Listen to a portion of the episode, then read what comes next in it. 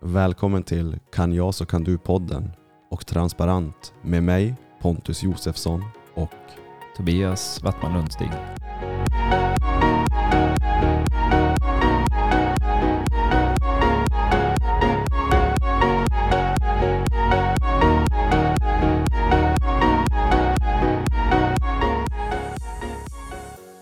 jag eh, tar och jag tar tag i taktpinnen och Mm. Öppnar det här avsnittet med att säga detta är ett eh, säsongsaktuellt avsnitt. Jag och Tobias pratade lite innan vi började spela in att eh, vänta nu, det är ju sommar. Att eh, vad händer på sommaren? Mm. Vad eh, händer med oss människor på sommaren? Hur ser livet ut? Och vi bara bollar lite idéer så blev det så att vi nu släpper det här säsongsaktuella sommaravsnittet och allt vad det nu innebär. Mm. Och lite förväntningar. Vad vi har. Finns det förväntningar som, som, eh, som vi har inför kommande årstider till exempel? Eller hän- hän- händelser? Vad har vi för förväntningar? Det var jättestörande. Vill du dra ner micken och vinkla den där så att jag ser båda dina ögon? Så, Och så vinkla den där. Ja, det kändes bättre. Mm. För nu såg jag dig så här. blev jag enögd. Tack. Ja, Mm. Vad har du för personliga förväntningar när det blir sommar och det blir varmare, livet blir lite lättare som man säger? Ja, lite lättare. Det, är ju, det, är ju, det kommer ju, livet blir inte bara enklare tycker jag. Utan eh, sommaren kommer med en, eh, en förändring i ja, men atmosfären. Visst är det lättare att eh, inte ha behovet att ta på sig tunga kläder. Eller skotta till exempel. Däremot så är det hus, det är gräs, det är gräsmattor, det är andra sysslor. Det ska sommar, sommarlivet ska sättas igång och vinterlivet eh, ska sättas undan. I varje fall här uppe i, i, i norr när jag har hus. Så är det så. Jag har stuga också. Och eh, så det är en massa förändringar som, som kommer. Sen är jag glad med att jag får ta fram enduromotorcyklarna och eh, det är roligt. Windsurfingbrädorna har jag, igår när du ringde så höll jag på att göra om hela, jag har ett litet eh, skjul som jag har byggt där jag har all windsurfingutrustning hängandes så att, det ska, så att de ska må bra. Så jag gjorde om det. Det ser jag jättemycket fram emot. Så ju hårdare vindar blåser, ju, mer, eh, ju gladare är jag på ett sätt. För då får jag ut och surfar. Då får jag ut och seglar. Och när det stormar på ordentligt, då är det riktigt roligt. Så jag har dammat av alla grejer inför, från, från vintern. Så det är väl de förväntningarna som jag har som, som är eller förväntningar, förhoppningar. Eh, förväntning och förhoppning tycker jag är skillnad. Eh, jag har inte så mycket förväntningar. Jag har, jag, jag, jag har en förhoppning att sommaren ska bli varm men inte så där extremt tryckande varm. Eh, att pollenet ska lägga sig för jag blir lite knockad av pollen. I perioder blev det, i perioder blev inte det. Så eh, fiske, att få eh, ta sig tid och eh, åka iväg och bo i tält under öppen himmel. Eh, helst ganska många dagar på raken och, och släppa alla behov, alla möten, alla tidsramar. Allt ansvar eh, som tillhör det här. Eh, som en kund till mig eller en bekant och en vän nu till mig brukar säga det här. Eh, livet i människobyn innebär. Att eh, ja, men ha hela, de, alla de där förväntningarna på sig. Eh, måstena som en del skulle kalla det för. Eller som man kanske lätt kan välja att kalla det för. Åker du också bort då där, där det helst inte är någon sändning på telefonen? Ja, alltså nu är det ju nästan, det är som, nästan svå, alltså, svårt att hitta ställen. Eh, Det är ju en lyx om det inte finns någon täckning. Mm. Det, det är en lyx verkligen. Mm. Bort ifrån, eh, det finns, inte, det finns inget, eh, alltså att ta upp telefon och surfa för att jag känner mig lite rastlös eller känner mig mindre uppdaterad. När det försvinner, det är någonting fascinerande med vad som kommer då. Så eh, det är eh, för mig väldigt, det känns hälsosamt. Du som också är den här, eh, enligt mig, specialiserade proffset på människokroppen, på beteenden och på allt vad livet innebär. Har det, märker du och eller har det en påverkan på vårt mående när det blir varmt, solen lyser, vi får mer eh, solexponering. Finns det några fysiologiska orsaker där till att det, vi mår bättre? Bättre är, jag tror man ska vara försiktig med att säga bara bättre. För det är en del som jag till exempel, jag får en liten dipp när, när våren och sommaren kommer. Okej. Mm. Mm. Det är inte dåligt. Mm. Eh, den dippen, jag förknippar den inte bara med att det är någonting eh, dåligt. Alltså, när vi får en förändring i, eh, i vår miljö, beroende på hur förändringen är, om den är kort, om den är lång, som till exempel nu under sommaren, här uppe speciellt, så får, går ju vi från, om vi säger extre, den extremaste tiden på vintern, då är det inte bara kallt, utan det är mörkt väldigt, vi, vi har ju bara elljus, alltså artificiellt ljus Mm. tillverkat ljus. Det finns inget eh, naturligt ljus nästan. Nästan, det finns faktiskt det här uppe lite grann. Det är dock inte speciellt mycket. Kontra sommaren, då är det 100% ljust hela tiden. Det som är utmaningen är ju att en, eh, det är faktiskt jättemånga som har svårt till exempel att sova då. Så vi, eh, hemma hos mig så, eh, vi har sovrummet i en källare. Och så täcker vi för hela källaren så det blir väldigt mörkt. Och jag brukar gå så långt jag sover, till att jag sover med en mask för ögonen för att eh, få det att bli riktigt mörkt. Och tar jag på mig masken kontra att jag inte tar på mig masken, då sover jag bättre. Klart bättre. Det är stor skillnad. När allting det här händer, ljus är ju jättebra. Eh, kan det bli för mycket? Ja, jag tror att det kan bli det. Mhm. Ja, får, får man inte nog med sömn, vad händer då? Mm. Ja, precis. Mm.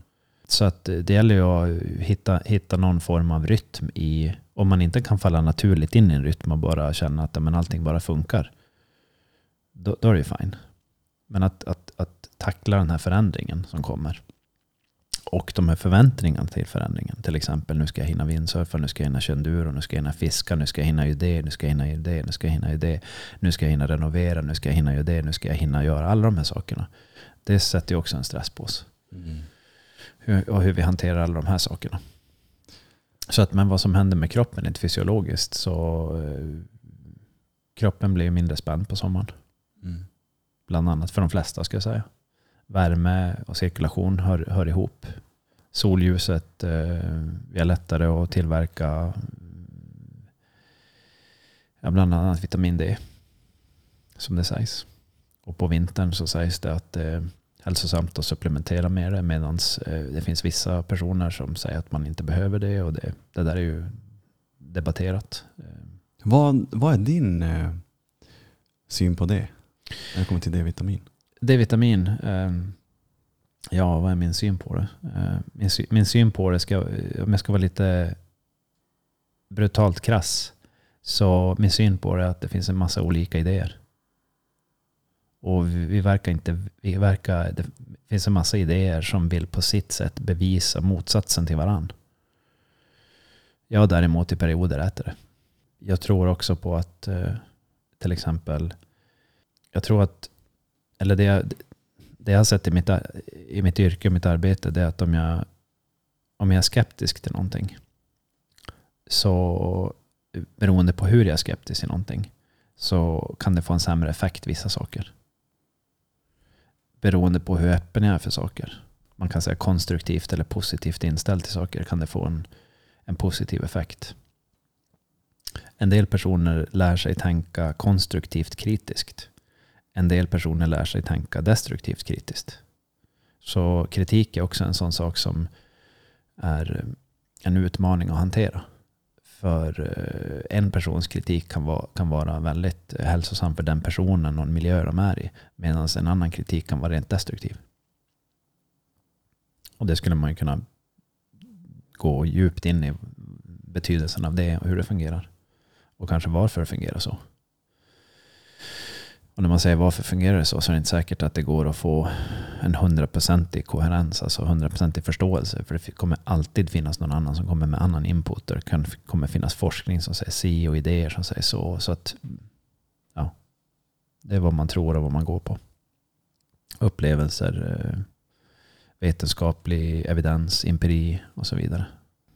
Det, det, det, är ett jättestort område det här och vad jag tror och vad jag tycker om det, det är att jag, jag försöker vara så neutral som jag kan men ändå ha en väg framåt. Och jag tror att om vi, det, det jag har sett är att om vi, ehm, i och med att det finns så många olika idéer om, om vad som är rätt och vad som är fel, vad som är effektivt och inte effektivt, vad vi bör och bör inte göra, så är eh, utmaningen att ehm, förstå att det kan finnas massa olika rätt och olika fel idéer. Frågan är, kan vi hitta någonting som funkar för dig? Då du inte behöver bråka med den andra idén. Och för att förklara det här på ett eh, enkelt sätt, och det här är ju det här jag kommer nämna nu kommer vi inte lösa. Kanske på en livstid, kanske inte någonsin. Kristendom, den bibeln. Islam och den bibeln. De tänker inte samma. Det är två olika gudar. Kan de här personerna vara i samma rum och acceptera varandra? Det kan de. Jag skulle säga ja. Ja, det, ja, det kan de. Ja. Kan de vara i samma rum och inte acceptera varandra? Det kan, ja, Det kan de också. det kan de också. Så frågan är hur, hur möter man varandra utan att ta in ideologin om rätt och fel om, vad- om, i, in i bilden? Vad, vad, vad är det som gör oss vad är det som gör oss så vi kan knyta an till varandra? Vad har vi för, för förväntningar? Vad har vi för idéer? Vad är det för anledningar? Hur vill vi, hur vill vi navigera där? Så eh, en persons rätt och fel. Vi kanske ska lägga det åt sidan ibland. Och den andra kan också lägga sitt rätt och fel åt sidan. Och så, och så möts man och så eh, umgås man. För det är inte säkert att vi ska dela alla meningar. För då kan det bli konflikt. Där har vi livet. Det är roligt att du nämner det, för det i, i vårt förra avsnitt som släpptes nu idag då, Ja. avsnitt åtta, då pratade du om den här vapenvilan som var i ett krig. Där de drog ihop alla till en fest. Vilket krig var det? Var det inte Kosovo? jag tror att det var Jag tror att det var Det var under Bill Clintons tid. Mm. Ehm, Och om det var Kosovo, Albanien. kan, ja, det var något, ja, jag minns inte exakt, men då, för det kom upp nu när du pratade om det här att man vi sätter oss ner, vi släpper allt det här extrema åt sidan, eller vad det nu kan Ja. vara. Och Ja. bara, Mm, precis. vi hade en, um, eh, vi hade en förra, fast inte nu i helgen, men då förra helgen så hade, hade jag varit jag ombedd att ha en um, teambuilding för ett företag. Så vi åkte iväg till en, ett vildmarkskamp. Det hade vi planerat ett tag.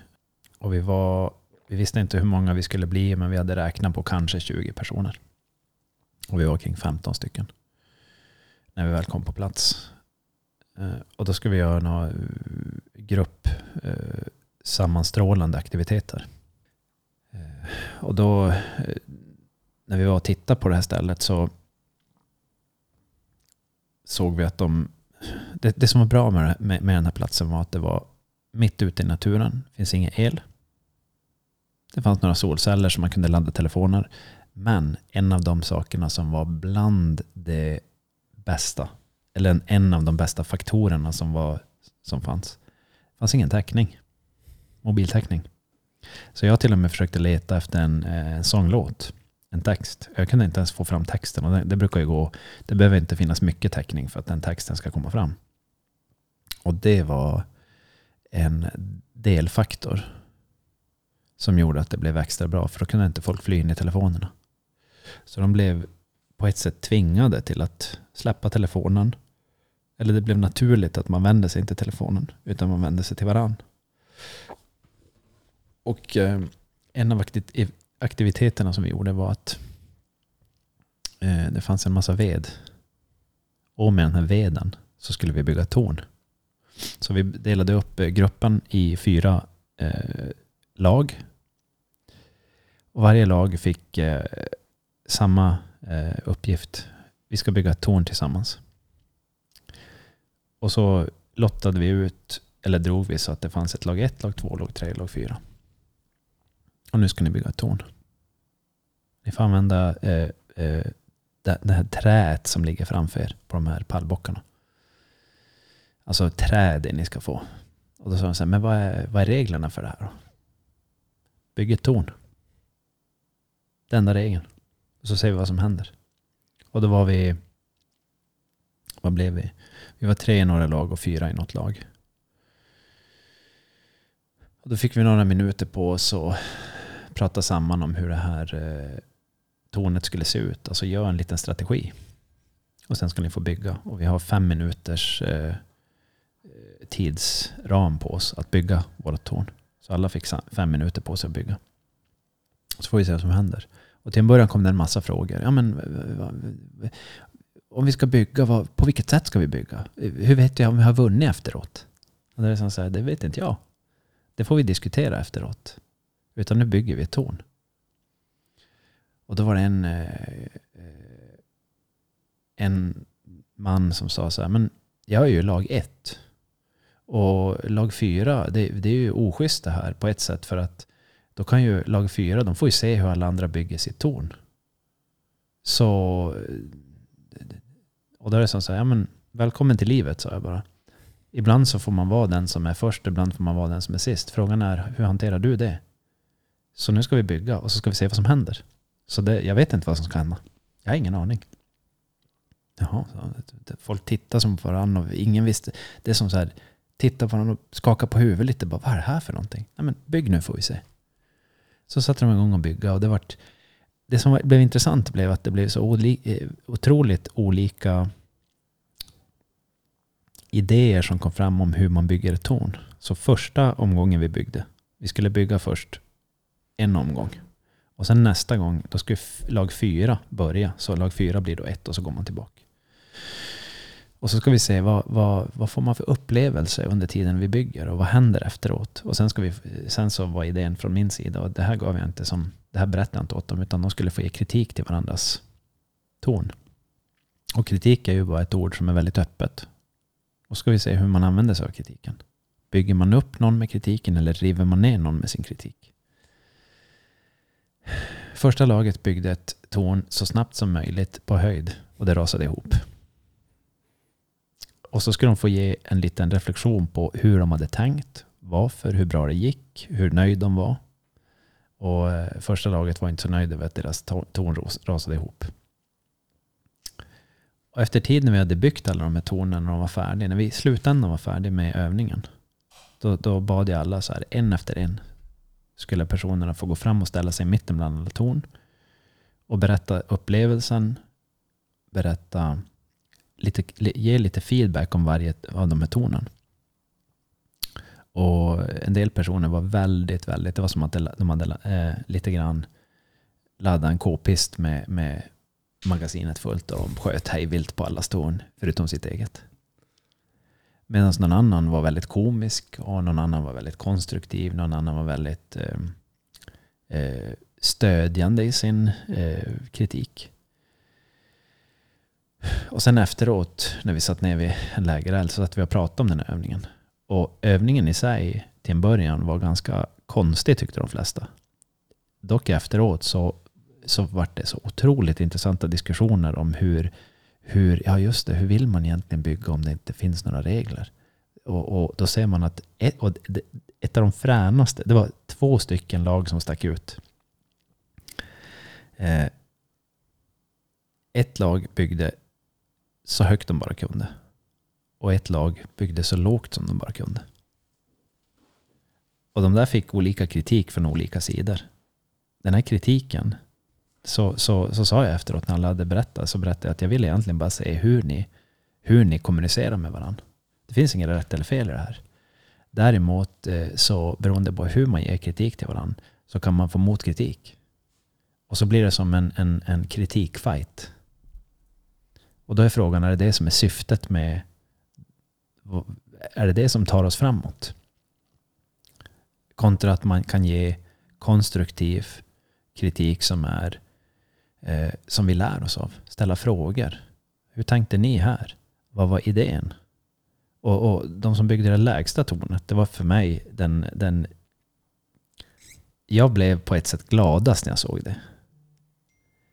Och eh, de byggde alltså ett torn med bara några klabbar och sen sa de så här, vi är klar. Och jag tänkte så här, det här är ju helt genialiskt alltså. Jag vill höra hur tanken har gått här.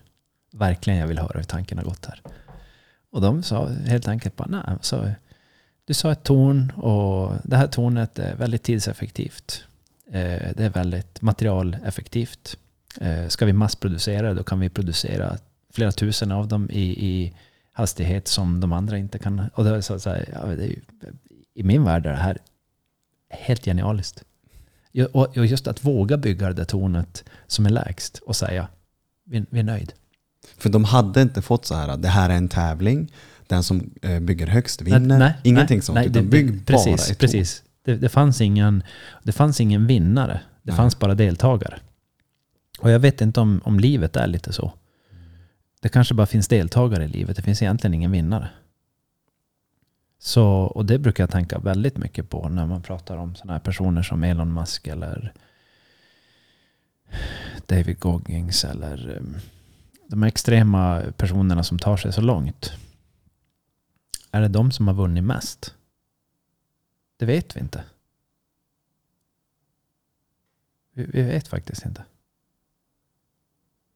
Och, och, i all den här mediacirkusen med människor så till exempel eh, den här pappan eller mamman eller eh, vännen eller någonting som ställer upp på sin vän eh, som hjälper folk runt omkring sig som aldrig syns. Har de då förlorat för att de inte syns och har fått mycket mediafeedback eller har de vunnit och ingen behöver som ser dem? För det finns gott om sådana människor som gör extremt mycket gott runt omkring sig hela tiden men aldrig syns i ett socialt medium. Är det inte det som är lite integritet? Vad gör du när ingen ser? Ja. Lite standard, integritet. Jag kanske bara... Ja, jag tänker bara hej vilt här brett. Personen har inte... Ja, det, det, finns väl... Lite inte. grann, vem är du när ingen ser? Mm. Ja. Behöv, alltså, behövs det göras eh, reklam för dig för att du ska känna dig bra när du har gjort någonting bra? Precis. Det är någonting lite, det är någonting lite märkligt i det. Jag behöver nu göra reklam för att jag har gjort någonting bra. Så andra får se det. För då spelar det roll att jag har gjort bra. Mm. Det, det, det, är någonting lite perverst i det faktiskt. Lite grann som man kan se ibland människor som gör eh, exper experiment. Eller man gör Instagram-videos eller YouTube-videos där man ger pengar till hemlösa. Mm. Och, så får de en, och, så, och så blir det en massa likes och det blir en massa empati. Och mm. Det finns ju en, en, en, god tanke med det kan jag tänka mig. Dock bara för att jag ser det så vet inte jag om tanken är god. Utan det kan vara, mm. ett, eh, det kan vara ett sätt att eh, manipulera sin omgivning till att eh, framstå som de kan ju ta tillbaka pengarna efteråt också, vi vet ju inte. Efter kameran eh, stängdes så, så typ så här, kolla en mås och så tog de tillbaka pengarna. Jag, ingen, nu skämtar jag bara, men mm. vi vet faktiskt inte. Mm. Sen kan det vara stageat alltihop, ingen aning. Mm. Jag hoppas att det inte är det. Det finns, det finns en hel del ärlig intention på sociala medier. Det finns en hel del icke ärlig intention. Manipulation. Och vad som är vad vet vi egentligen inte. Nej, det är svårt. Det är jättesvårt. Och det är ganska farligt. Kan vara. Ja, man kan bli manipulerad av det. Mm. Det, det, är väl det som är utmaningen. Och um, Att köpa någonting som inte finns där. Så då blir det... Alltså det, är det, är fin, alltså det blir science fiction. Det blir fiction. Påhittat. Um, så det är väl det som är utmaningen. Jag tycker det var fruktansvärt roligt experiment, det du gjorde med gruppen. Ja, det var... Det, det, det med veden. Ja, det blev väldigt gott emottaget också. Mm. Väldigt gott emottaget. Vad gör du som, om man får kalla dig ledare i ett sånt eh, tillfälle? Tar du då och samlar ihop all information du nu har fått och sen ger en viss vägledning? Eller pratar ni bara om det? Vi pratar bara om det. Okej. det, det utmaningen för en sån här helg är, eh, det där var en av övningarna vi gjorde. Mm. Eh, Det som är utmaningen här är att göra allting så avslappnat som möjligt för gruppen. Så att Mm. eh, för gruppen, gruppen ska ju få lika mycket känsla av frihet, känsla av delaktighet, eh, känsla av utveckling utan att det blir för forcerat och påtvingat. Testa någonting nytt som är läskigt men inte så läskigt så att det blir stötande. När fler personer kan prata om saker de inte har pratat om med andra, ehm, komma ur sitt skal, nå varandra på ett annat sätt, så har man ju som lyckats med en sån här, eller så är, så är det en lyckad helg. Att göra det lekfullt men inte, men, och lite svamligt men inte för svamligt så det bara blir svammel. Utan göra någonting konkret men inte så konkret så att det blir fyrkantigt och tråkigt. Eh, att känna att kursledaren, en, eller kurs, ledaren för dagen, att man kan slappna av så pass mycket runt personen så att personen inte är en ledare längre, men ändå får leda. Att folk får nå varandra på ett djupare plan där de inte hade nått varandra, vilket hände vid flera punkter under helgen. Det kan jag tänka mig. Så, eh, och så sen att det blev så lekfullt så att folk efteråt skulle kunna helst, eller förhoppningen för en sån här helg är att människor ärligt kan säga det här var så kul så jag skulle vilja göra det igen. Och det, det hände. Alla eh, har tydligen sagt efteråt att det här var ju helt fantastiskt, alltså kan vi inte göra det igen? Och att få folk att vilja åka iväg igen med sitt företag på ett företagsevent. Det tycker jag är lyckat. Det är roligt. Om vi hoppar tillbaka till lite till sommaren då, Mm. som, som vi började prata om. Ehm, för det som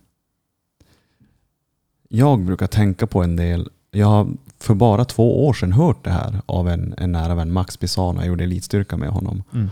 Och han sa till mig när det blev sommar att Fan Pontus, jag hatar det här. Han, han rent ut sagt hatar när det blir sommar. Och så- Ja, se, där är ju någon som inte bara får positiv energi. Ja, och det, är det, det är därför jag också tog upp det här med att prata säsongsaktuellt Mm. just sommaren. Och så här, men vad menar du? Så här, det är ju sommar. Jag, vet, jag är lite som, om man får säga, alla andra. Inom situationstecken. Att eh, livet blir lättare på sommaren, att man behöver inte klä på sig lika mycket. Det är Mm. flipflops och det är glass och det är bad. Och, Mm. och då sa han det att Pontus, det som får mig att må så dåligt är att många människor, många människor framstår så extremt jävla lyckliga. Mm. Och det stör honom. Mm. Om man, om man går in på telefonen då är det jordgubbar i parken. Mm. Det är sena eh, sommarkvällar med bubbel och bad. Mm. Alla kompisgäng är tillsammans. Mm. Någon är utomlands, någon är på Kreta, Grekland. Och han sa det att, Mm. ju- ju- han sa så här, jag vet ju att det där inte är sant. Mm. Ja, precis. Jag- Jag förstår precis vad han menar där. Eller Mm. precis, jag upplever att jag förstår en del av vad han menar där. Mm. Ehm, det, jag tror, det jag tror man gör sig...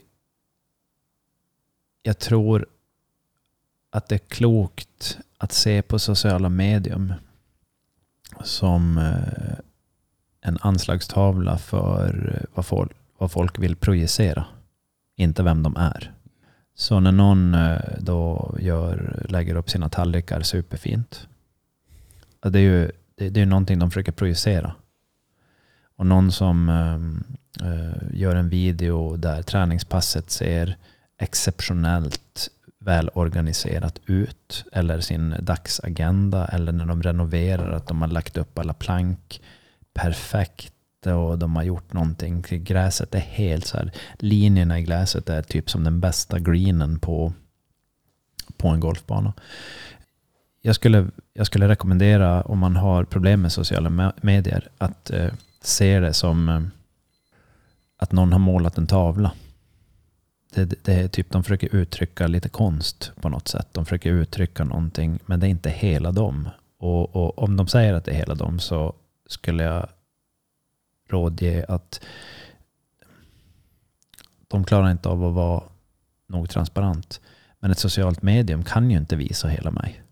Eller hela dig. Det går inte. Så ta det med en enorm nypa salt. Och har man också svårt att titta på ett socialt medium utan att uh, filtrera bort allt det där och se det som folk försöker visa. För det finns ju faktiskt de som är... Uh, jag brukar gilla att kolla på hundar. Alltså hundar som beter sig roligt, djur som beter sig roligt. Jag tycker det är bland det roligaste som finns. Det var, uh, för de är helt naturliga bara. Men människor eh, iscensätter. Och iscensättningen, vad är det man iscensätter för någonting? Ja, mat som ser perfekt ut. Mitt perfekta liv eller någonting. Undrar Eh. vad meningen med det är egentligen. Till exempel just den här absurda perfekta matbilden. Ja, men varför till exempel, varför vill någon ha den här perfekt glänsande bilen? Jag har inte tänkt på det. Eller en motorcykel som glänser eh, på gatan, eller ett par nya solglasögon, eller en ny fräsch frisyr som är så uppkittad så det ser ut som Ehm, det exteriöra på personen. Jag har en gammal ehm, eh, barndomsbekant som, eh, som håller på med italienskt mode. Eh, kläder, alltså eh, kostymer, finkläder. Och de, nu ska jag bara berätta vad jag ser. Jag ser personer som går omkring i en drömvärld och klär upp sig så det ser ut som att de är, inte adel, men de är extremt... Det ser ut som på en filminspelning lite grann för perfekt mode. Och de går omkring i, i alltså de ser ut som från en helt annan värld. De klär upp sig super, super fint. De är superkammade, de är supereleganta. Och så går de omkring och tar sådana foton lite överallt och, och skriver på lite italienska. Och de åker på modershower hit och dit. Och för mig så är det en helt annan värld. Men jag kan, som, jag kan, jag kan, jag kan glädjas över det. det. Jag tycker det är fränt. Men det är inte för mig. Men jag skulle kunna åka ner dit tror jag. Och bara ta del av det så här för att känna, bara, undrar hur det känns att vara i Eriks värld. Det är en gammal vän och vi, vi har ingen kontakt. Förutom att vi är eh, bekanta eller vänner på Facebook. Men vi har inte träffats någonting sedan vi gick ut skolan. Men vad är det, vad är det, vad är det den personen försöker projicera? Ja, men sin, sin, eh, han försöker nå ut på sitt sätt. Och jag kan tänka mig att en del kritiserar det där. Som mindre, eh, mindre värdefullt eller något liknande. Man kan göra någonting mer. Man kan ju rädda ett barn i Afrika istället för att köpa en italiensk fin sko eller en skjorta för flera tusen kronor. Det, ja, visst. Absolut. Men han gör inte det. Utan han lägger sin fokus på det han gör. Och de ser så eleganta ut så jag tänker det... Jag vet inte vart jag ska börja. Det är inte min stil direkt. Men de ser extremt eleganta ut. Sen är jag andra vänner som är fortfarande kvar i Alperna och, och lägger ut skidåknings och, och bilder och bergsbilder. Och de är också väldigt sådär eleganta och det är lite extremare oftast. Jag har surfvänner som lägger ut lite mer eleganta och extrema surfvideos, surffoton. Vad, vad är det man försöker göra? Jag tror man på ett sätt försöker visa att eh, det här gör mig stolt. Men om någon säger att de, man, man ska vara där hela tiden, det är inte möjligt. Det är inte möjligt. Om någon lägger upp en bild på en nybäddad säng, betyder det att sängen ser ut så hela tiden? Mest sannolikt inte. Om någon lägger ut en bild på när deras barn ler. Åh, vi är så lycklig. Barnen gråter och skriker hela tiden. Men man lägger som inte ut det lika ofta. Nu skriker ungjäveln igen. Utan när det är så här, nu är Albin eller Berta glad.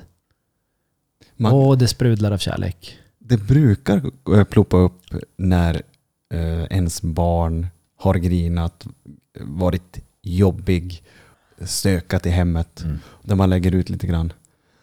Att vara tvåbarnsmamma. Mm. Och jag orkar snart inget mer. Är det någon som vill köpa mina barn? Mm. Haha. Mm. Ja, men det är ju, det, jag, jag respekterar den. eh, Jag kan tycka det är en, det är ju en- person som ändå uttrycker att det här är ju tufft alltså, eh, utan att säga eh, får jag bara kasta ut ungen genom fönstret. Det är klart föräldraskap är tufft. Mm.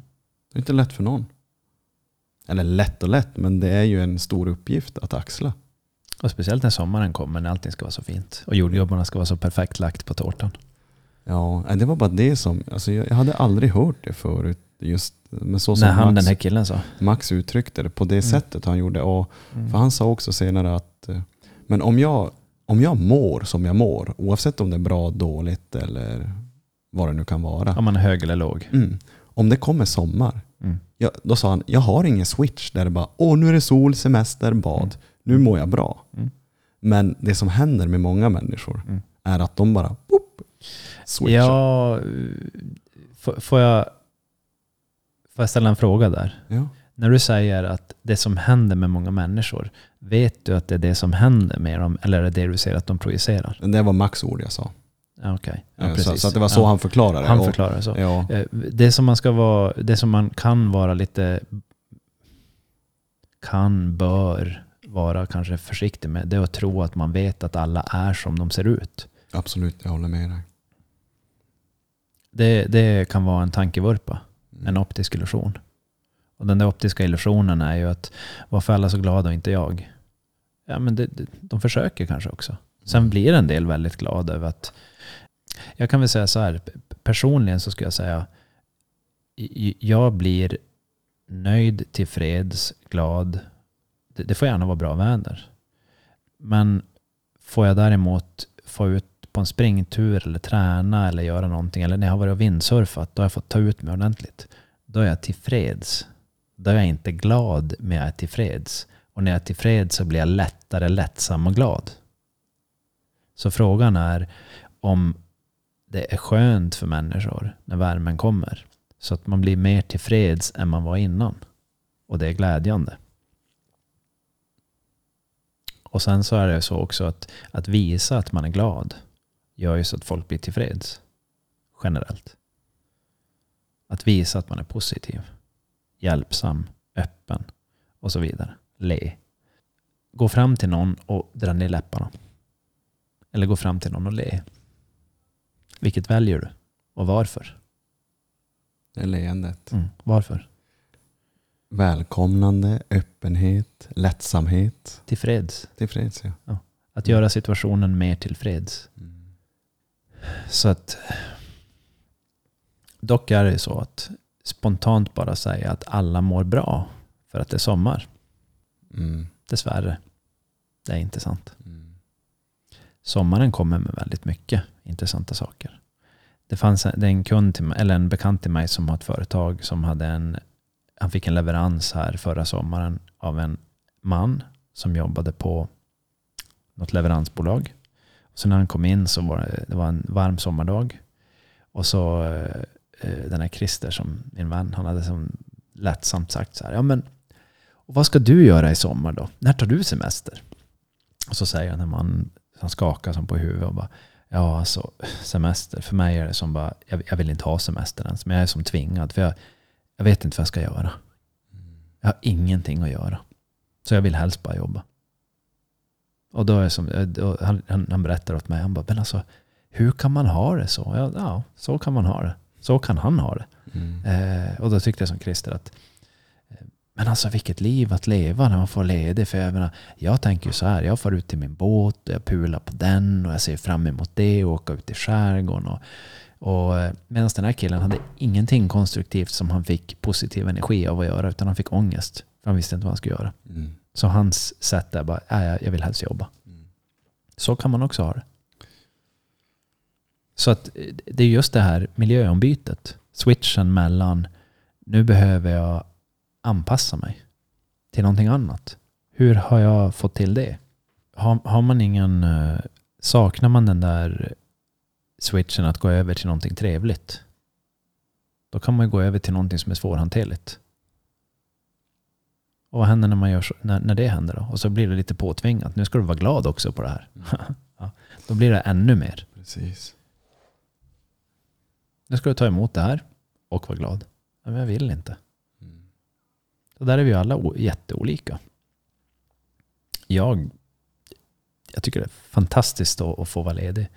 Sen är utmaningen eh, lite grann tycker jag alltid att eh, just för mig som eget företag att eh, ta ledigt och ändå vara att lägga upp och att vara finnas där för mina kunder efter jag varit ledig. Och det, det, det, det, det är inget problem egentligen, men det ska ändå hanteras. Det ska spelas in meddelanden som säger att nu är jag borta under en period. Se till att momser och skatter betalas eh, i tid, hyror. Alla de här sakerna som rullar på som, som eh, det går inte att ta helt ledigt från. De sakerna fortsätter att komma. För någon kan det också vara, nu spekulerar jag bara, ehm, Men säg att när livet rullar på, då, då har vi en bra rutin. Så plötsligt nu ska vi vara lediga. Så när vi är lediga, vad ska vi göra då? Och det vi ska göra kostar ju pengar. Vi kanske inte har pengarna. Kanske nu har tre barn eller någonting och eh, ska nu göra en massa saker. Så vi ska dels umgås jättemycket. Hela tiden hitta på nya saker. Det kan ju vara ganska dränerande också. Även fast för någon så är det så här, ja men vadå, jag behöver ju bara gå och lägga mig på stranden och vifta med tårna. För någon annan är det så här, jag behöver öka min börda för att leka och hitta på lekar och hitta på det och hitta på det och hitta på det och åka på Leos lekland och köpa korvar och eh, hela tiden vara en lekfarbror eller lektant. Det kan ju vara, det kan ju vara en, en ångest. Kan jag tänka mig. Mm. Barnen, hur hanterar de ledigheten? Är de bara glada i den här lilla bassängen ute på en gräsmatta? Finns det ens en gräsmatta? Det kanske bara finns en lägenhet som är jättevarm på sommaren. Då kan ju sommaren bli helt annorlunda. Så det är ju... Jag tycker ändå sommaren är fin. Jag, jag nu ska jag inte irritera någon. Kliva upp på morgonen en varm dag. Koka en kopp kaffe.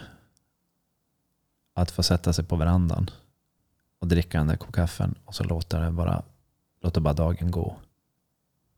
Inte ha någon eh, förpliktelse. Utan typ, kanske typ, ha hellre, jag vet att det finns hur mycket saker jag skulle kunna göra som helst. Men sommaren för mig är lite förknippat med att vara i stugan och typ, jag brukar säga så här, jag åker upp och klipper gräset åt farmor och farfar.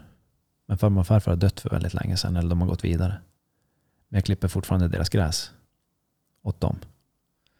Eh, för det är deras hus. Fast det är vi som har tagit över huset. Och just att tiden går och vi fyller den med en typ av närvaro. Alltså, jag är närvarande, jag mår bra. Jag kanske får ofta en fisketur. Men det är ingenting som behövs dokumenteras. Utan det faller som i, i tidens rymd. Jag klipper gräset, jag går på gräset. Jag kan till och med ta tid och, och titta på, på, på floran och faunan. Jag kan titta på humlorna som kommer och far. Jag kan eh, titta på bina. Jag kan ta ett snack med ekorren som springer förbi. Och det, fjärilarna, jag ser dem, nyckelpigor. Att få ta en del av den sidan av verkligheten. Istället för den här perfekta människovärlden. Att få komma bort från människovärlden och få vara i kontakt med någonting annat. Det är sommar för mig. Sommar för mig. Sen att få köra enduro och vindsurfa, visst, fine. Men en sommar utan att, att, att få ha en nyckelpiga som landar på armen och tittar på den och, och som studerar den en stund före den flyger iväg. Att, att eh, mata ekorren lite grann. Och ekorren springer omkring och är, de har som bara, är ett väldigt lustigt djur. De rör sig väldigt snabbt och, och, och de har ju, alltså vilken kraft de har när de klättrar i träd. Det är bara, hur snabbt det går. Att hälsa på grannens katt när den går förbi. Att när man är ute och fiskar, titta på naturen och se som just det här, det kanske simmar förbi en, en, en, en bäver. Och så titta på bävern, hur den beter sig. Naturen. Att se hur naturen lever. För den kommer ju verkligen till liv under sommaren. Det är sommar för mig. Och så kanske lyssna på ett sommarsnack. Jag kommer ihåg, jag lyssnade, en, en, jag brukar i perioder lyssna mycket. Jag kommer ihåg just eh, Magnus Ugglas sommarsnack. Det tyckte jag var väldigt bra. Det har jag inte hört. Ja, jag tycker det var väldigt bra. Eh, Det är många som har gjort jätte, jättebra sommarsnack. Men jag tycker Magnus Ugglas var... Det, det, på något sätt kommer jag ihåg att det rörde mig. Och nu håller jag på att lyssna på eh, Hans Rosling, hans biografi. Och den har jag lyssnat på någon timme nu och den var hittills är den extremt bra tycker jag. Vem var Hans Rosling? Eller är? Eh, han var doktor. Uh, han har skrivit en bok som heter Factfulness med sin, jag vet inte om han skrev den med, sitt ba, med sin dotter eller son eller någonting. Eller, ja, han, han fick hjälp av några. Just att titta på fakta på olika sätt och få fram fakta. Hur man tar till sig fakta. Uh, den boken ska jag verkligen rekommendera att lyssna på. Hans, uh, jag kände igen mig mycket i hans utforskande av livet. Så som han beskrev det. Men den gav, det ger mig mycket att lyssna på honom. Jag tycker han är, han har, jag måste nästan ta upp det här. Jag tror han dog för ett tag sedan. Okej, så han är död. Jag tror det. Men det är en svensk. Ja. Eh, avled 2017. Eh, cancer i bukspottkörteln. Dog han av. Eh, svensk läkare och professor i internationell hälsa vid Karolinska institutet. Det här är en person som jag tycker det är värt att lyssna på. Jag tycker han är otroligt intressant. Och han har ett otroligt intressant sätt att se på saker och ting. Vill du ge ett eh, litet eh, smakråd? Att se hur saker hänger ihop. Inte fakta hur någonting är, men hur saker hänger ihop. Och han berättade när han eh, höll på att studera till läkare att han hade fått en, en syn på att eh, i Sverige så var, så var man elit. Vi, vi kunde så otroligt mycket. Vi var så långt framåt. Och så kom man till Indien. Och så eh, sa han till sin grupp när, när de höll på att studera eh, röntgenbilder.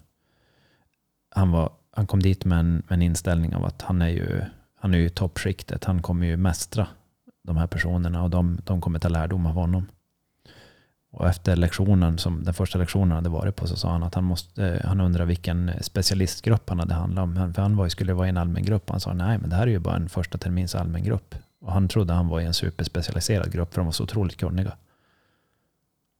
Och då sa han, jag fick en chock. Vi tror här att vi, vi kan allting och vi, vi har en fullständig syn och vi är så långt fram, mer fram än alla andra. Han, det var helt tvärtom. Det är våran syn, hur, hur vi är här. Så utanför landets gränser, där är verkligheten. Vad vi tror om det, det är en illusion. Så då, då är det vi själv som har hittat på den här illusionen att vi är elit. För, för berätta en sak. Ja. Har du någonsin märkt av att eh, i en grupp, när man får ett förtroende för människor, då börjar man lyfta människorna. Fast man går inte på fakta om människan, utan man går på att det här är en bra person, de här kan, du vet, det här är en riktigt bra person.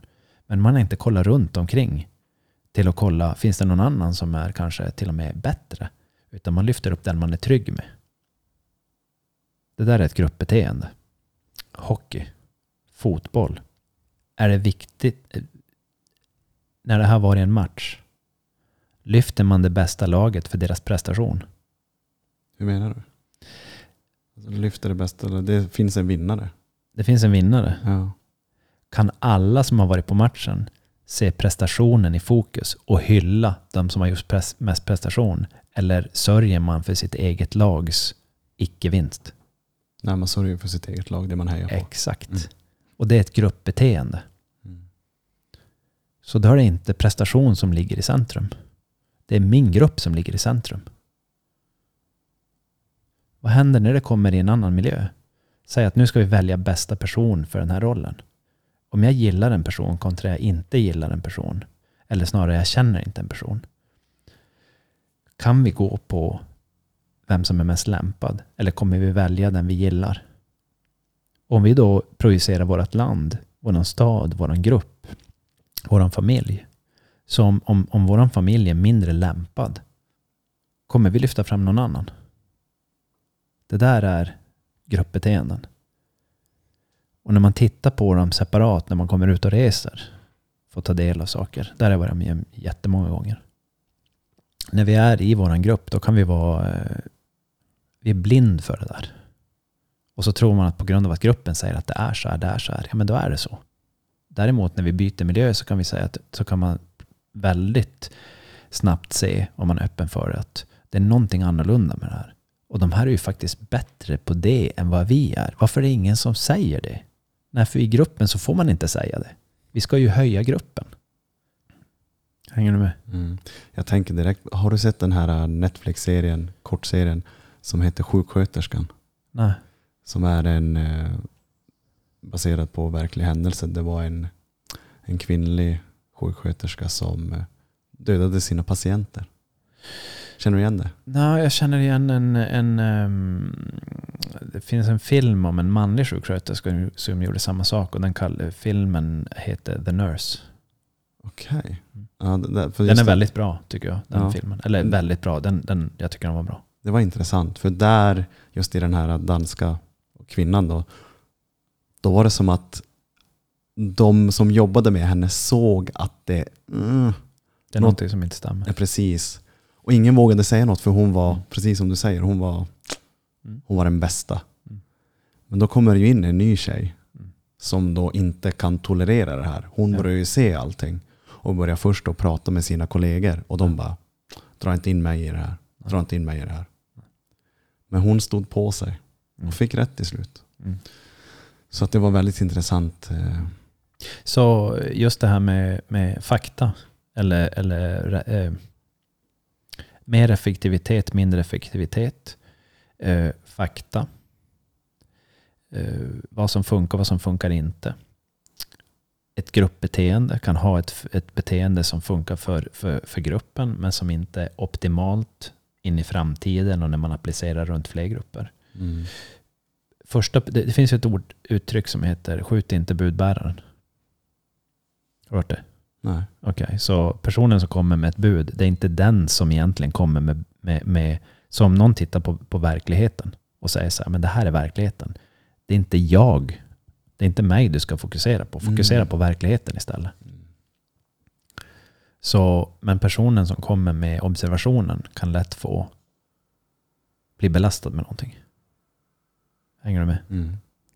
Nej, så därav uttrycket eh, skjut inte brevbäraren. För det är inte brevbäraren som Nej. egentligen kom, den kommer med meddelandet, men det är inte den som har meddelandet. Det är inte därifrån det kommer egentligen. Så därav finns det ju ett beteende hos människor att um, lyft inte upp vissa saker. För du kan få, du får hantera det som kommer med det. Så låt det bara vara i så fall. Mm. Eller vi kan välja att låta det vara eller så väljer vi att lyfta upp det. Mm. Jag, jag har ett yrke att lyfta på saker. Och inte för, för eh, att skapa oreda, utan snarare för långsiktigt skapa reda. Skapa hälsa. Mm. Skapa välmående. Skapa trygghet för framtiden. Ökad hållbar hälsosam funktion. Mm. Hans Rosling, han är, var en person som jag tycker det, det jag skulle rekommendera att lyssna på honom. Lyssna på hans biografi. Lyssna gärna på Factfulness, hans bok jag tycker han förklarar saker på ett eh, lättförståeligt sätt. Mm. Sen är det inte säkert att allt han säger stämmer, men han, han, så är det väl med alla människor. Än en gång, sommaren den kommer med sol, den kommer med regn. Det kommer med pollen. Det kommer här uppe med eh, mängder av ljus dygnet runt. Det kommer med eh, sena kvällar med grill och alkohol och eh, det kommer med fisketurer. Eller vi, vi, vi, den kommer inte med fisketurer, vi tar oss fisketurer. Kubbmästerskap. Mm. Om man vill kalla det det mm. på bakgården. Mm. Det blir ju så. Jag håller med dig att jag mår också bra på sommaren. Sommaren gör mig eh, tillfreds. Din relation till sommaren är god. Är god. skulle jag vilja säga. Mm. Och jag har ju målet att kunna bo i södra Europa Mm. vart det är sommar ungefär 8-9 månader om året. Mm. När det blir vinter så blir det 12 grader och Mm. lite regn och lite ruggigt. Men Mm. jag tycker att det är värt att testa för jag brukar ofta tänka på dig, du som har bott utomlands. Mm. Och när man själv ska göra en, en resa som man kanske är lite osäker på men man har en, en röst inom sig som säger att det här hade varit kul att testa. Då känner jag att då brukar jag tänka på personer som faktiskt har testat saker i sitt liv. Till exempel du. Du har bott i Schweiz. Du har gjort en hel del i ditt liv. Jag menar att fan, Tobbe har i alla fall testat. Varför ska inte jag kunna testa då? Mm. Att man tar lite inspiration av det. Mm. Så att eh, sommaren är, ligger mig nära hjärtat. Mm. Absolut. Samtliga årstider som vi har eh, har jag faktiskt en god relation till. De kommer med sina utmaningar. Eh, däremot våren, just vår trans, eh, när vintern glider över i våren och ska bli sommar så det tycker jag är den mest utmanande av, eh, av alla årstider för mig. Dock så försöker jag som se någonting positivt i alla de här årstiderna. Praktiskt eller emotionellt? Ja, både och. Okej. Både och. Jag Mm. har varit i, varit i fjällmiljö mycket. Alpin miljö, Mm. högalpin miljö. Och på sommaren, på våren så smälter ju snön. Och den blir, den är sakta men säkert så glider eh, vintern mot sitt slut. Och där, där den där eh, övergången, den blir minst, eh, den blir mer bökig. Så ska jag säga. För mig. Eller när jag har vuxit upp. Så jag kommer ihåg, då ville jag bara flytta på mig. Jag ville, nu vill jag bara härifrån. Det här är inget roligt längre. Det kändes som att nu, nu ska jag inte vara kvar längre. Måste härifrån. Det var väl nästan känslan. Så och den kanske sitter kvar. Och nu så måste jag inte härifrån längre. För livet har ju förändrats Mm. sedan den tiden som jag levde med sådana cykler. Jag har en fråga. Mm. Ställ. Vad kan du säga eller ge tips till de som känner lite det här som Max kände, som min kompis känner inför sommaren? Mm. Nu har ju vi pratat om den här eh, påhittade sanningen kanske, eller vad man ska säga, det, vad, vad man ska framstå som. Men, Mm. men vad, vad kan du säga till dem som, som eh, strugglar när det blir sommar och mår lite sämre? Det beror väl på i vilken grad som personen nu mår eller får en dipp eller har problem att hantera det eller eh, mår sämre om man så säger. För någon så kan det ju vara att bara lyssna kanske på någonting sånt här. Mm. Att, eh, att se att andra ta del av att andra eh, också tycker att det är utmanande. Att det är inget måste att bli glad. Det, det, det är ju ibland en, en, en frihets och en uppenbarelse. Mm. Att vadå, jag behöver inte bli glad. Nej, nej, verkligen inte. Jag behöver inte gå omkring och dra ner folk heller. Däremot så är det helt okej att bara vara. Men finner man inte det där varandet eller kan känna att man kan få en dräglig tillvaro så jag tror att det är bra för väldigt många att ha typ en mentor. Någon man kan prata med med jämna mellanrum. Som ger en en annan, eh, som man kan diskutera och få en annan bild av verkligheten av. Istället för att gå omkring i sin egen värld och, och godkänna sin egen värld som att det är så här det är. Hans Rosling är en sån person tycker jag. Alan Watson som person tycker jag. Delvis Eckart Tolle tycker jag också. Jag tänkte säga Eckart Tolle faktiskt. Ja. Uh, Adyashanti är en sån person. Ge en annan, ge en annan bild på att ja, men det, i den här verkligheten så finns det, det är en större verklighet vi lever i. Så eh, behöver man verkligen se det sådär? Är det sant att det man ser, att det stämmer? Man kanske har fastnat i sin egen lilla vinkelvolt. Man kanske har, går omkring med en tankevurpa och vet inte om det. Mm. Och går man omkring med, nu använder jag ordet tankevurpa. Och så tror man att nej, men jag ju full koll till och med. Det är inte jättehälsosamt. Gå och lägger krokben på sig själv. Det bästa i det läget, eller en väldigt bra grej, är att se att jag lägger ju krokben för mig själv. Och ser det på ett helt neutralt sätt. Och säga, hur skulle jag kunna gå utan att lägga krokben för mig själv? lite skämtsamt sagt. Så prata med någon som, som man kan få ett förtroende för, att man kan ha ett öppet samtal. Så att man hamnar i en annan eh, tankesfär. Släppa lite anspänning. Ja, släppa på någonting som jag tidigare upplevde genom att kanske prata med någon. Sånt är Mm. livet. Mm. En mentor som man kan, kan man, som man kan med lätthet diskutera livet med. Sina tankar, sina känslor. Och bara genom att lyfta dem så kan saker förändras. Att få se att ja, just det, ja, så kan man ju faktiskt tänka. Ja, så går det faktiskt att tänka. Och vad är det som säger att den tanken du har stämmer? Vad är det som egentligen säger att det är så det är?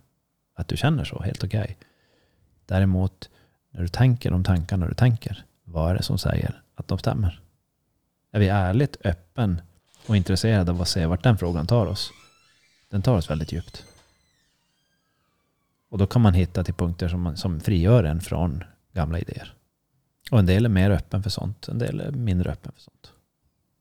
Jag personligen trivs ju att prata om de här sakerna.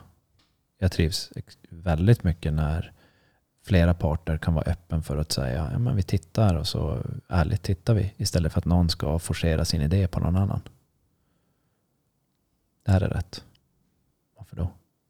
Och ska de hitta massa anledningar till varför det är rätt. Att vinna matchen så att säga.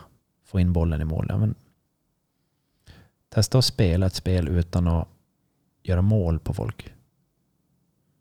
Men vad är anledningen då? Ja, det var en bra fråga. Testa att spela spelet som att du behöver inte vinna över den andra. För stunden. För att vinna över den andra kan vara väldigt, ge väldigt mycket energi kortsiktigt. Och väldigt destruktivt långsiktigt. Jag måste ta åt mig av det tipset när det kommer till sällskapsspel med släkten.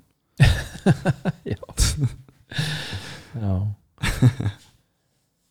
Alltså den som, den som vinner oftast är den som lyckas bäst i livet. Hur vet vi det? Exakt, hur vet vi det? Jag träffar fullt med odrägliga, jätteduktiga, hö, hög ehm, personer som har extremt driv för att vinna. Jag känner att vi leker att vi ska få på en fiskeresa. Och så är det någon som hela tiden ska tävla. Då är det som så här, nej men inte på min resa. Mm. Mig följer du inte med. Sitter inte i samma båt som mig. Då får du simma. Jag vill kunna sitta och prata. Dela. Uppleva. Någon som hela tiden bevisar att den personen är bättre än mig och vinner över mig. Då är det som så här, men fine. Du har vunnit nog många gånger nu. Jag är inte intresserad av att förlora något mer. Du har bevisat att du är så otroligt bra. Men det är sommar, då tar vi en öl eller en kopp kaffe eller en kopp te eller en juice eller någonting. Eller typ ta av skorna, vifta på tårna. Behöver inte ens, behöver inte ens vara superlycklig. Ta en promenad. Så, vad hette din kompis där? Eller din? Max. Max. Så till Max, ta, ta, ta en promenad. Och kanske ta en paus från de här sociala medierna. Och kolla, kolla inåt och vad vill du göra istället? Du behöver inte ens ta till dig av alla andra människor. Testa att skapa din egen sommar. Hur skulle den se ut? Jag vet inte, han kanske är, Jag vet inte vem Max är. Men han kanske är i perioder en extremt lätt person, perioder en extremt tung person. Kanske deprimerad ibland, man vet ju inte. Jag har lärt mig väldigt mycket av Max. För Han, han har fått mig att se på känslor och att vara sig själv på ett helt annat sätt. För han är den här, han är lite som du. Alla älskar den här människan. Mm. Nu, alla kanske inte älskar dig men man är lättsam. Man kommer överens med de flesta. Om du går in i ett rum och sen går ut så har du inte blivit fiende med någon. Mm. Till exempel, du förstår vad jag menar. Han, han är den, den här glada, fina, Mm. känslomässiga Mm. Max. Mm. Och jag har tagit mycket av honom. Mm. Han har hjälpt mig mycket då. Um, i livet när man, när, man, när, man, när man har dippar så att säga. Mm. Mm. Och just den här eh, övergången mellan olika säsonger gör ju så att man, man får, ska hantera någonting. Mm. Och just den där hanteringen, att gå över från... När du är ute och går efter en, en väg och så plötsligt stöter du på en, en, eh, att vägen delar sig. Då får du ju ett val. Om du går efter en väg och så plötsligt delar den sig i 50 vä- olika vägar. Vilken väljer du? När, vägen, när det finns en väg, då är det väldigt lätt att bara fortsätta. Mm. När den delar sig i två, då är det 50-50. Men delar den sig i 100 vägar, vilket den kan göra ibland i livet. Vilken väljer du då? Och börjar du då utforska var- varenda, varenda av de här vägen och ska lära dig om vilket, vart de leder, då kan det bli mycket energi som går åt. Mm. Det kan skapa frustration, det kan skapa ångest, det kan skapa uppgivenhet. Och för varje situation man kommer när vägen delar sig. Ibland kan det för en person kan det vara så här, men vad roligt att den delar sig. Och för nästa person kan det vara, varför behövde vägjäveln dela sig? Hänger du med? Mm. Vem är de olika personerna som står i vägskälet? Och vad har de just gått igenom? Det vet vi inte heller. Mm. Och just att står vi och vägarna delar sig i många olika delar så finns tanken, jag ska välja den bästa vägen. Ja men lycka till. Vad är det som säger att den bästa, vilken, vad är det som säger att den bästa vägen är den bästa vägen? Vad är det för parametrar? Jag hade nog, vi åkte från, vi var och firade min, min partner Sandras mamma som fyllde 70 i helgen. Och på vägen tillbaka från, eh, vi var strax söder om Skellefteå, mellan Skellefteå och Umeå och firade. När vi bodde i en kyrkby, hyrde några stugor och så bara var vi där och umgicks. Eh, och på vägen tillbaka så berättade Sandras pappa en historia om en mjukglass. När en eh, bekant till honom hade ställt in sig på att de var ute och körde motorcykel och han ville ha mjukglass. Så hade de stannat på en eh, bensinstation och så hade det inte funnits mjukglass. Och så säger hans kompis, han vart upprörd och frustrerad och sa jag, jag vill ha mjukglass. Och han vägrade stanna och köpa en glass utan han åkte därifrån. Och då var det som en rolig sak under den här eh, helgen att eh, jag, eh, eller vi, vi tittade på varandra och så, och, så, och så sa vi så här, jag vill ha en mjukglass. Och så skrattade vi för det var en så komisk situation. Och då satte sig den här mjukglassen i huvudet på mig. Så på vägen tillbaka till Luleå så sa jag till Sandra, jag vill ha en mjukglass. och då åkte vi in eh, och så stannade vi på Max. Hamburgerrestaurangen i Skellefteå. Eh, den som är på norra sidan. Och så köpte vi en mjukglass. Och, och då när- på displayen när man ska beställa de här mjukglassarna så fanns det tio olika mjukglassar. Och då kände jag bara, alltså vad är det här för någonting? Varför finns det tio mjukglassar? Kunde det inte bara finnas en? Och Sandra bara, men välj en nu bara. Och jag stod där och tittade på alla. Och då kände jag att jag blir lite frustrerad över att det fanns så många. Mm. Och då var det så här, ja men då tar jag bara en. Och Sandra bara, men ta en vanlig standard då. Ja men då gör jag det. Klicka på den. Och så, och så kände jag så här, hur kändes det bara att göra ett val? Istället för att göra som så här, mm, ta in alla parametrar. Är jag sugen på jordgubb? Är jag sugen på kola? Är jag sugen på choklad? Är jag sugen på papaya? Är jag sugen på... Alltså det blev för mycket information. Ja. Och det här är ju så här superbanalt. Det är ju, så, det är nästan på en löjlig nivå. Men rent där och då så kände jag bara, här står jag still och tar in alla de här smakerna, idéerna och tankarna. Och så står jag still här och, och äh, standard, ingenting på. Och den var ju hur god som helst. Det kan bli så. Så där fanns det de här tio vägarna att gå. Mm. Och, och, och jag kände när jag började ta in dem då, vad är rätt väg att gå just nu för mig? Jag kände mig lite uppgiven. Så när sommaren kommer så tror jag många kan, en del kan känna sig uppgiven för det finns så mycket vägar att gå. Mm. Vad är rätt att gå den här sommaren? Det är då ett återkommande, en, återkommande scenario för mig. Och när jag åker och surfar, nu är det också ett banalt ilandslyxproblem. Jag har en massa olika surfbrädor. Om det blåser just en vind då två eller tre brädor passar in och segel, vilket ska jag välja? Det är också en sån där sak som, då, då blir valen så många så att det blir, ett, det blir nästan ett hinder. Det blir ett lyxproblem men det blir ett hinder. Mm. Men det blir lika så ett hinder. Det blir för mycket information. Och då är det skönt när det finns en enkel struktur som säger gör så här, gör så här, gör så här. Så jag tror sommaren kan, det kan finnas sådana parametrar till sommaren varför Mm. till exempel kanske Max också upplever. Jag vet inte, jag känner ju inte Max. Så jag, Mm. Ja, absolut. Och om ni undrar vem Max är, han, Max Pisano heter han. Han är ultralöpare. Han har sprungit från Stockholm upp på Kebnekaise. Mm. På, jag tror det tog 28 dagar. Sen besteg han Kebne i flipflops. Mm. För han ville göra någonting unikt. Mm. Så att han är, han, är en, han är en väldigt fin individ. hoppas han mår bra med sina utmaningar. Jo. du hade inte kunnat tänka dig att springa Stockholm-Kiruna? Jag kan tänka mig, men jag skulle inte välja att göra det. Mm. Jag skulle absolut inte göra det. Ser det inte, jag har inget behov av det. Nej. Däremot så har jag kört 24 timmars enduro-tävlingar. Men inte för att försöka vinna. Mm. Eh, mer som en upplevelse. Mm. Surfa extremt stora vågor. För att jag tycker att det är kul. Och extremt skrämmande samtidigt. Mm. Men springa upp på ett berg i flip-flop efter att ha sprungit från Stockholm, nej. Det är inte min grej. Jag vill inte heller bestiga de högsta bergen i världen.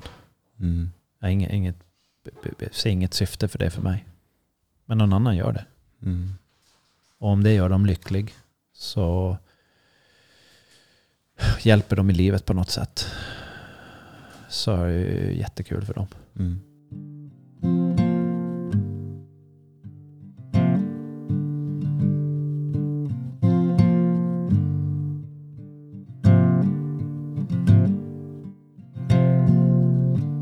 Har du för planer för din sommar? Planer pra- praktiskt sett? Hur vill du att din sommar ska bli? Har du någon idé? Har du några planer? Ja, berätta lite grann om din sommar. Jag åker ju till Portugal om 24 timmar Mm. och kommer vara borta i tre och en halv vecka. Mm. Jag har lite konserter att gå på. Vilket jag ser fram emot. Jag hoppas att de inte blir inställda. Mm. Blir de det kan jag inte göra så mycket åt saken. Man får säkert sina biljetter återbetalda så att be it. Men annars så ser jag väldigt fr- mycket fram emot att få träffa min bästa vän som bor nere i Portugal. Mm. Som jag träffar kanske bara två gånger per år. Mm. Och jag har egentligen inte så stora förväntningar. Eller några förväntningar alls. Jag vet att det kommer vara varmt. Jag vet att Portugal har jättefina stränder. Jag vet att det finns ett bra partyliv. Jag vet att det finns trevliga turister, nya människor att, att träffa. Man får säkert lära sig något, något nytt ord. Portugisiska. Portugisiska. Obrigado. Obrigado. Eh, tudo Ob- bem. Mm. Obrigado Portugal. Så att eh, jag försöker att inte ha så mycket förväntningar generellt i livet. Mm. Ehm, bara lärt mig det av egentligen gamla erfarenheter. Mm. Så att jag ser fram emot det absolut och jag hoppas ju att det kommer bli en väldigt fin tid. Men annars, man känner ju till Portugal och Lissabon nu framför allt när man har varit där så många gånger. Mm. Just för att Polan bor där. Så att jag, jag tror och hoppas att det kommer bli en fin tid. Mm. Det kommer bli varmt, jag gillar värme. Mm. Och det är 19 grader i Atlanten så man kan svalka sig. Mm. Det blir Ja, säkert. 19 grader är ju ganska svalt vatten faktiskt. Atlanten blir ju aldrig varm. Nej. Det är ett stort hav. Mm. Så att... eh, Och sen är det bara att fortsätta. När jag kommer hem, då är det bara på, på hästen igen. Rutiner, vanliga livet. Stiga upp, träna. Det är det jag tänkte när du sa att du stiger upp. Kaffe, altanen, Mm. kolla på myggorna kanske. Ja. Men jag är så Ja, här. myggorna, de, de, de brukar... de har Ja. fjärilarna. Ann- Nej, men annars är det stiga upp, få till gymmet. Mm. Bara hassla på. Mm. Jag har lite grann det, det här mottot att eh, jag är så fascinerad över våra forntida förfäder och hur vi gjorde förr i tiden. Mm. Och jag har ju en idé att eh, first we hunt, then we eat. Mm. Så att lite så refererar jag till min träning. Att du, det första du gör när du går upp Inte äta, inte göra någonting. Utan du går Mm. på gymmet, du tränar. Mm. För sen får du äta. Mm. Lite grann just den förtjänta måltiden. Mm. Jag tror på det just nu. Vi får se Mm. om några år. Mm. Jag vet inte. Mm. Så att det, det är livet bara. Mm. Men det ska bli skönt. Mm. Det ska bli skönt med att komma iväg. Mm. Nu är det ju extremt varmt. Jag tror det är säkert är 30 grader bara nu här i lägenheten när vi sitter här. Mm. Du kanske känner att det är varmt eller är det bara jag? Just nu känner jag inte att det är speciellt varmt. Nu är det bara beha- för mig behagligt. Ja. Och ni som lyssnar. Det här kommer ju släppas när jag är i Portugal. Men det kommer släppas varannan måndag som vanligt. Mm. Så att eh, ni som gillar att lyssna på Tobias Och Pontus. så kommer det komma som vanligt. Mm. Jag tycker att vi, jag, jag känner mig ganska nöjd idag. Ja. Ja, det var, Hur känner du? ja, ett behagligt. Det var eh, lättsamt att få lufta lite om sommaren. Ja. Lufta och lyfta sommaren. Ja, lyfta också. Jag har en fråga om jag får sätta ton på det här. Sätta Mm. punkt för det här. Mm. Jag såg en, ehm, så att jag inte benämner det här, det här ordspråket fel. Men det här var någonting som eh, slog mig oerhört själsligt. Ska vi se. Den går så här. The finish line is for the ego. But the journey is for your soul. Mm. Det var fint. Mm. Vad kan du säga om det? Alltså att kom, komma i mål med någonting. Det finns ju en idé om att det går att komma i mål. Men när vi kommer i mål så är vi ju aldrig i mål. Det enda som verkar finnas är en lång resa. Sen gör vi olika delmål därefter. Så den som, den som står på toppen, som har tagit sig till toppen till vilket pris som helst, är frågan av vilket pris har man fått betala efter vägen. Och det sitter kvar I själen. i själen. Och påverkar våran sinne och våran kropp. Mm. Så ja, Ehm, målet är i egot, i sinnet, Mm. i tanken. Resan, eh, det sitter djupare i kroppen. Kanske hela vägen in i själen. Hoppas att ni där ute får en eh, fin sommar. Mm. Jag hoppas verkligen det. det. Det menar jag när jag säger det.